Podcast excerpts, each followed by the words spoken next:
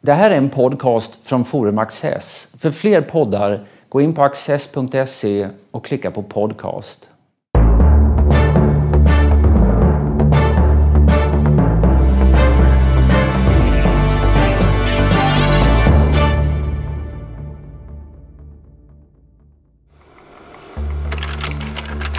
Antoine de Saint-Exupéry har vunnit störst framgång med sin minst ambitiösa bok. En förtjusande och mycket tankeväckande roman för små och stora, Lille prinsen. Annars siktade han från början på att bli för 1900-talet vad Melville, Conrad och Lottie var för 1800-talet. En skildrare av äventyrliga resor kors och tvärs i världen med tidens favoriserade samfärdsmedel. För dem fartyg, för honom flygplan. Flykten under stjärnorna inspirerade snart till en starkt personlig existensfilosofisk reflektion. Christopher Leandör, författare, översättare och litteraturkritiker med särskilt intresse för fransk diktning, samtalar med Peter Luttersson. Saint-Exupéry skriver i en hög ton. Mm. Det passar ju bra eftersom man skriver på hög höjd också. Det är ett författarskap som utspelar sig på hög höjd. Under stjärnorna under stjärnorna. Det är inget särskilt omfattande författarskap. Eh, allting ryms i en sån här volym. Mm, eller två faktiskt. Ja, men det är en massa brev och kommentarer. Ja. Det är sant. Det är den här Pleiad-serien, eh, franska klassikerserien som blir utförligare och utförligare. Det, eh, det är ändå någonting man önskar att vi hade det är en serie där man med de viktiga författarskapen samlar alla verk och trycker dem på bibelpapper ja. och sådär. Och gärna med kommentarer. Med, med eh, enormt mycket kommentarer och, eh, och varianter och tidigare otryckta saker. Eh, till exempel eh, Proust eh, på spaning efter en tid som flytt har eh, 16 versioner av första meningen i, mm. i Pleiad-utgåvan. Mm. Och även hos eh, Saint-Exupéry så hittar man ju eh, nya saker, kommentarer som man inte känner till, brev mm. och så vidare. Och de gör också ibland sådana här album som är mer biografiskt inriktade med ganska mycket bildmaterial. Mm. Men den där höga tonen, det är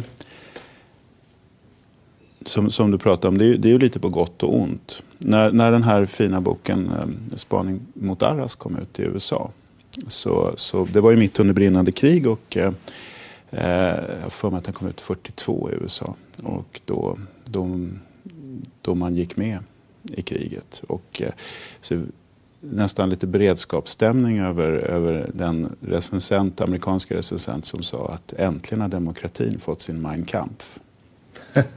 och menade det som beröm.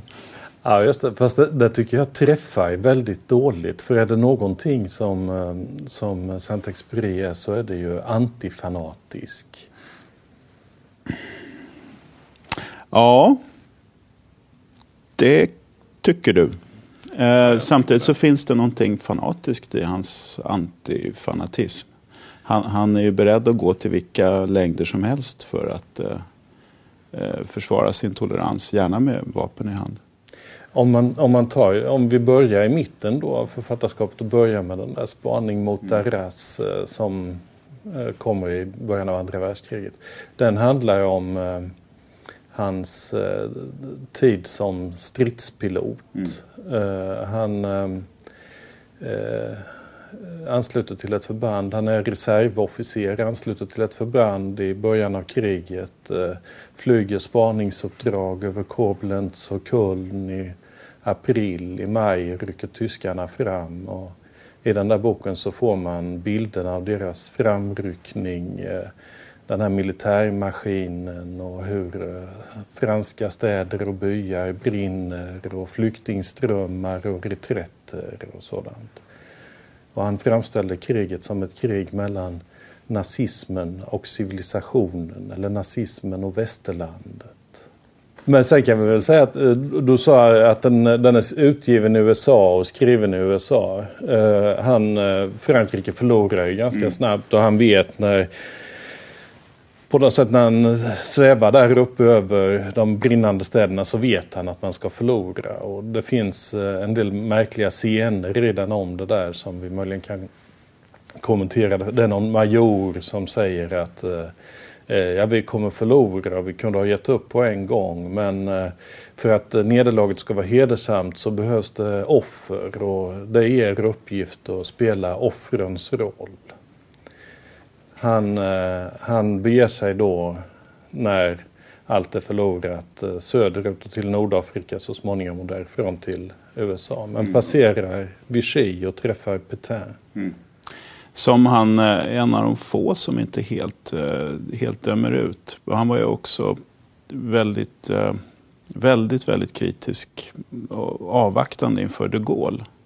Mm. När många andra såg de Gaulle som den enda räddningen så såg eh, Saint-Exupéry en potentiell eh, Salazar eller Franco i, i de Gaulle. Exakt. Eh, Ett övermått av eh, nationalism. Ja. Eh, och Petain menar han att han gjorde vad som kunde göras. Att det var meningslöst att bjuda ytterligare motstånd och det var bättre mm. att rädda franska liv. Han mm. försvarade inte Vichy, ville inte bli en del av Vichy. Men han fördömde det heller inte. Nej. Han var mycket mer kritisk till de Gaulle än till uh, mm. Petain. Men eh, just det här att han inte fördömer, det, det är ju väldigt eh, typiskt Saint-Exupéry och väldigt tillhör hans extremt sympatiska drag. Och det ju det som föranledde den här konflikten med, med Breton i, mm. i New York när, under mm. den här exilen. De båda exilfransmännen, varav den är, som liksom föstes ihop av ödet kan man säga. För att de var fransmän och berömda författare och fanns i samma stad. Fast de var så ohyggligt olika. Och eh, Breton var, fördömandet var ju hans favoritgenre. Nästan en, han utvecklade fördömandet nästan till en egen litterär genre. Särskilt riktat mot sina vänner? Eh, ja, men han var generös nog att innefatta fiender också.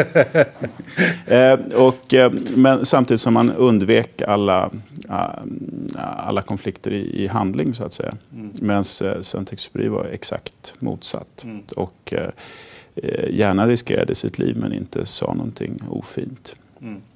Förutom då när han skriver det här brevet till, till Breton, när han, när han får nog av, av dennes krav på, på, på fördömanden. Ja, underordning. Ja. Alltså, Britannien kräver ju hela tiden av alla i sin omgivning att de ska underordna sig hans vilja. Och där mm. uppstår ju hela tiden konflikter. Ni är den mest intoleranta människa jag har träffat, säger, säger Saint-Exupéry. Ja. Och, sen, sen... och det är nog många som eh, skulle säga samma sak som hade oturen att träffa honom. Ja, absolut. Det tror jag nästan det tror jag de flesta skulle skriva. Men vad, vad, Saint-Exupéry fortsätter, jag skrev, jag skrev ner det någonstans här. Just det, han avslutar, han, det blir ett försvarstal, lustigt nog. Och det slutar så här. Jag tror på handlingen, inte på stora ord. Mm. Mina handlingar bevisar helt enkelt för mig att mina vänner är bättre än era. Och det, det bevisar han ju sen återigen, för han ansluter sig eh, ungefär när den där boken kommer ut till eh, de franska förband i Nordafrika som har ställt sig på amerikan, till amerikanernas förfogande under den här generalen som heter Giraud som mm. han eh, eh, fäste mycket stora förhoppningar vid eh, ehm, eh, som ett alternativ till de Gaulle som man ju då som sagt inte alls gillar.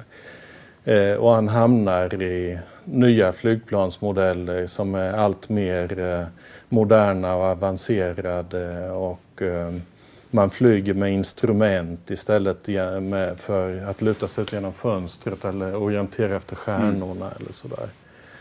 Och det går illa till sist. Ja, att inte till sist, det går faktiskt illa hela tiden. Eh, får jag läsa här från, eh, jag bara lista över sista, sista, sista månaden i hans liv. 6 juni 1944. Vänster motor fattar eld. 15 juni 1944, syreintaget slutar fungera.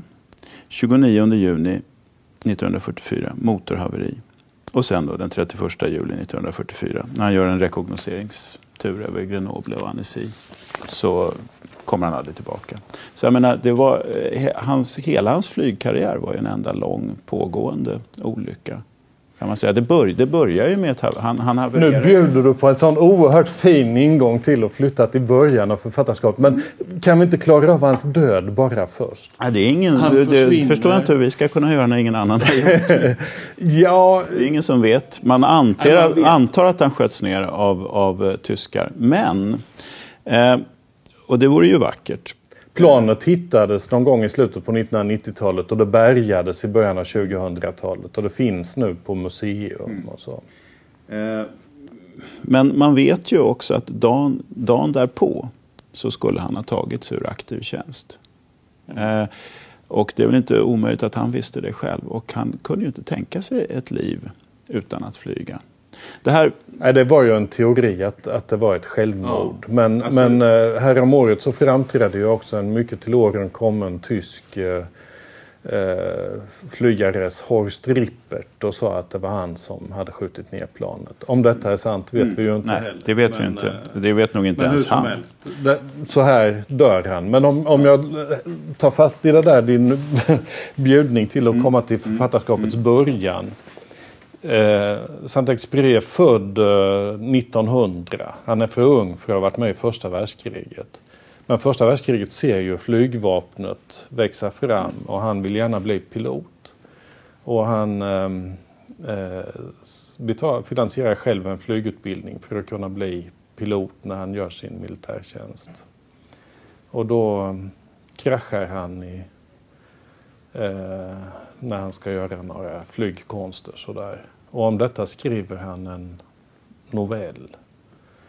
Eh, L'aviateur heter den när den sen publiceras. Och den publiceras eh, genom kontakter han har fått eh, med eh, Le Nouvelle Revue Française-redaktionen. Genom en släkting? Genom en släkting, ja.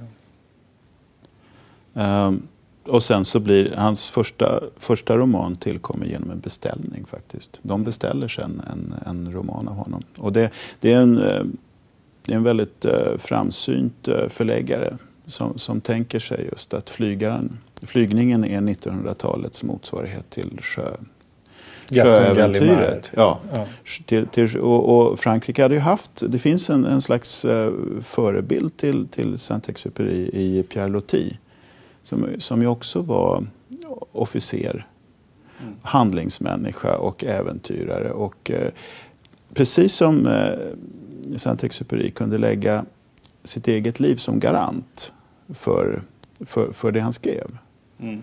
Eh, det här med den höga tonen, den är ju, som, som du pratar om, eh, det som, är, det som gör att han kan ha den och vara trovärdig är ju att han faktiskt skriver om självupplevda saker att han har gjort hela det, tiden. han har gjort det. Så är det ju. Ja. Pierre Loti, Pierre Loti var sjöofficer. Ja. Eh, han var däremot med i första världskriget men då hade flottan tyckt att han var för gammal. Mm. Medan armén släppte in honom. Så att mm. han var major i armén mm. under första världskriget och blev dekorerad och var tapper. Och, sådär. Mm. och nu vill jag flytta framåt. för att, eh, för att eh, Saint-Exupéry var ju också för gammal. Och, och fick tjata sig till aktiv under tjänst. Andra under andra världskriget. Mm. Precis. Han var för ung för första och, och, för, och för gammal för andra. Men lyckades ändå tjata sig till aktiv tjänst. Um, och det, det, är ju intressant, han, när han blir flygare så är det ju ganska sent i livet. Alltså flygning var ju då en, en, ung, en ung disciplin på två sätt. Dels, eh, dels för att den var nytillkommen men också för att de som utövade den var, var unga. Mm. Eh, de, de flesta flygaressen. Eh, han var ju inte det. Han var 26 år när han blev yrkesflygare. Mm. Och då, var det, då hade han lämnat det militära som, mm. som reservofficer då. Och när han blev yrkesflygare så blev han det inom postflyget. Ja. Och jag tycker det är intressant för att han, han, han är ju en av dem som verkligen hyllar kollektivet. Det, det, det manliga kollektivet, alltså yrkeskollektivet. Alltså Jag skulle inte kalla det kollektiv utan brödraskap.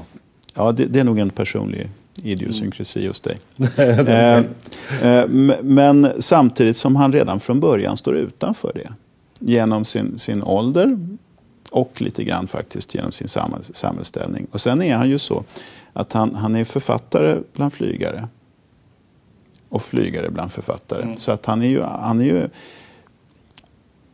han, han, som verkligen har hyllat det här okej, okay, brödraskapet eh, ser ju till att alltid stå, stå lite vid sidan om och, och se det utanför.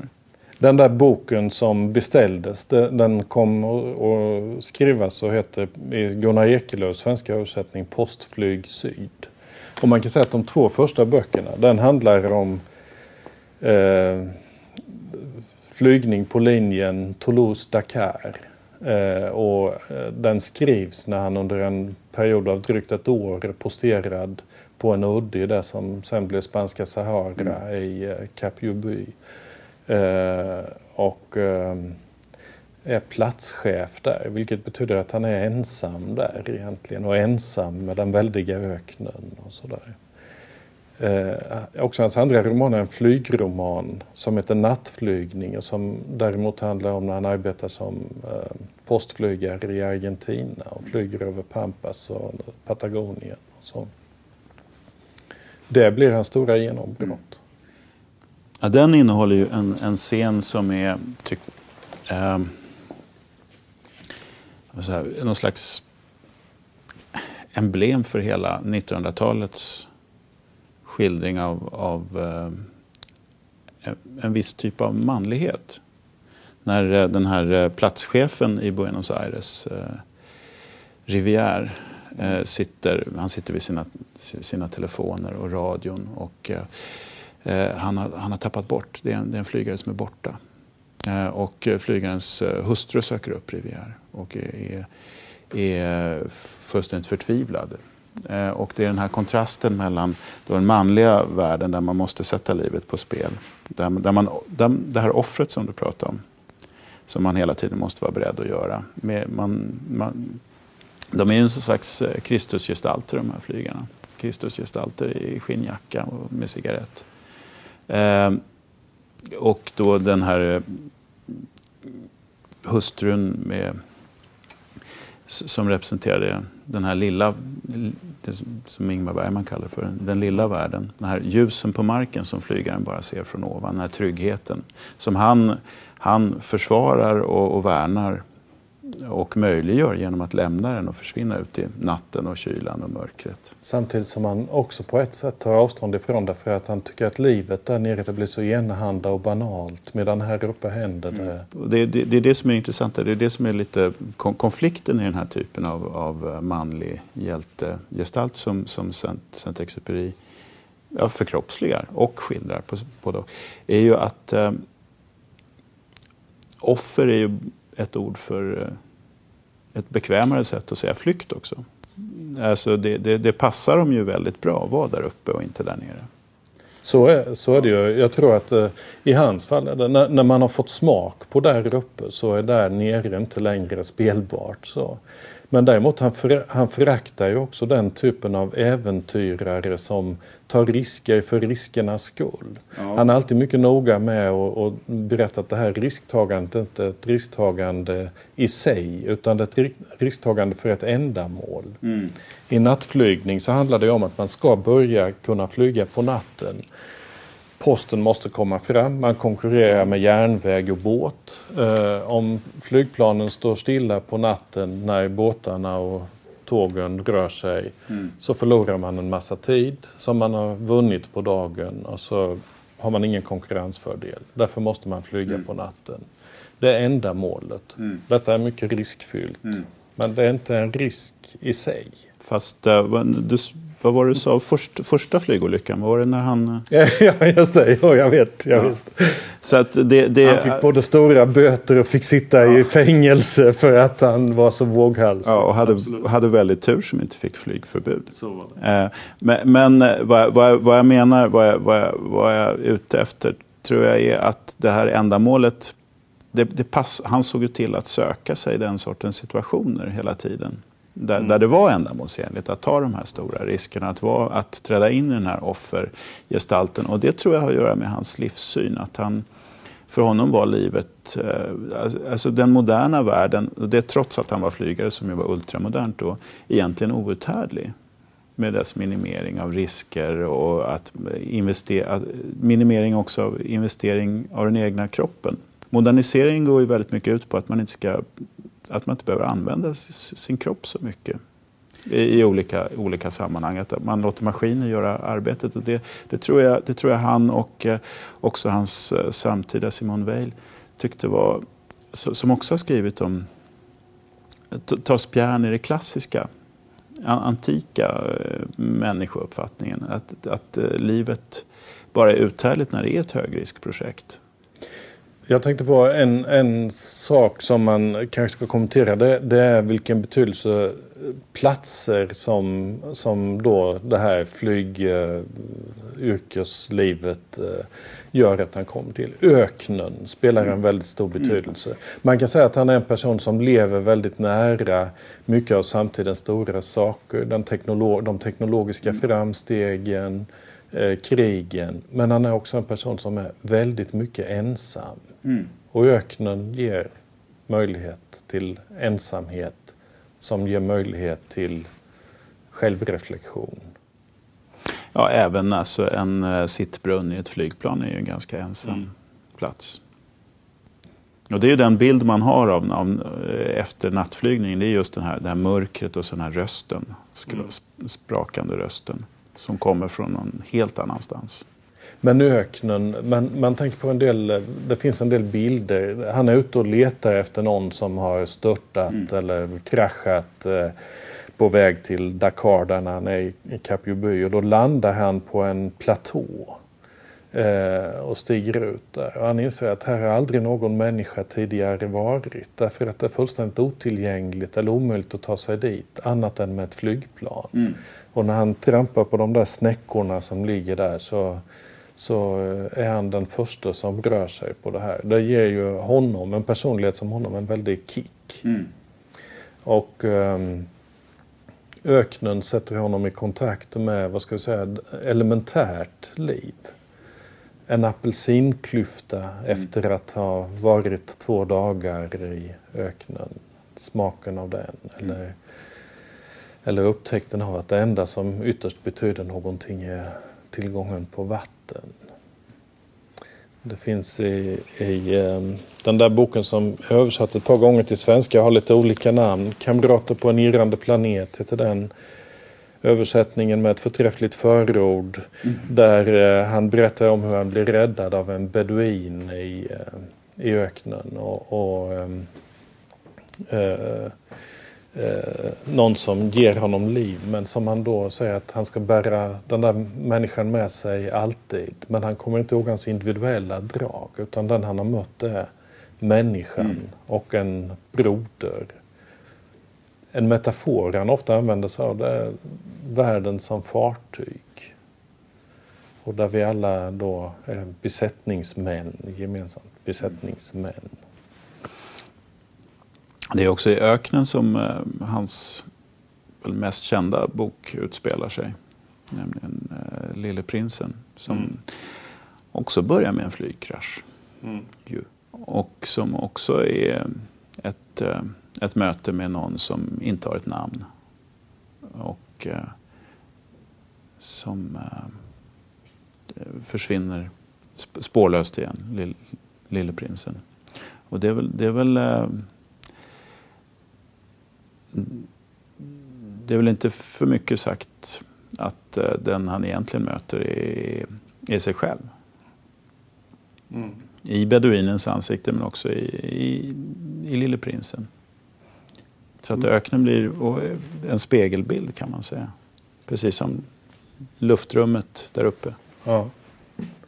De tidiga böckerna är ju romaner och sen kommer de här böckerna som är mer någon slags reflektionsböcker om vad han har upplevt som pilot. Och sen på slutet kommer Lille prinsen. Mm. Eh, och den bok som heter Citadell mm. som eh, är postumt utgiven. Eh, som man fäster stora förhoppningar vid. Som är en massa monologer av en ökenförste. Mm. Med, moderna, med modern terminologi skulle man väl säga att Citadel är, är väl egentligen en fantasyroman.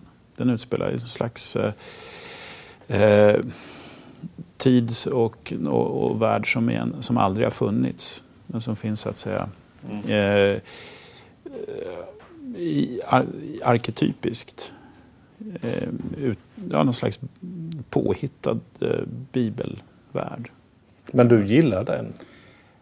I, ja, gud ja. Normalt så, eh, den blev sist översatt till svenska av hans böcker och långt efter medan nästan alla andra kom ut på en gång. Och så där. Den är ju mer komplicerad. Men... Ja, alltså ibland, det, ibland missaktad. Ja, det, det som är komplicerat med den är väl att det, det är första gången faktiskt eh, som han släpper den här, eh, släpper sargen.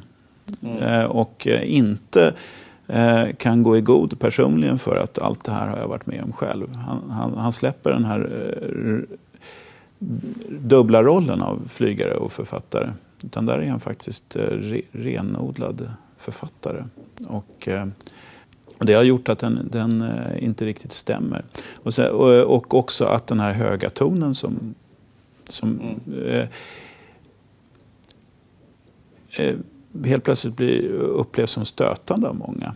För att den inte har den här eh, motpolen i, i, i skinnjacka och, och eh, skiftnyckel. Mm. Utan bara får, får vara. Eh, att han talar ganska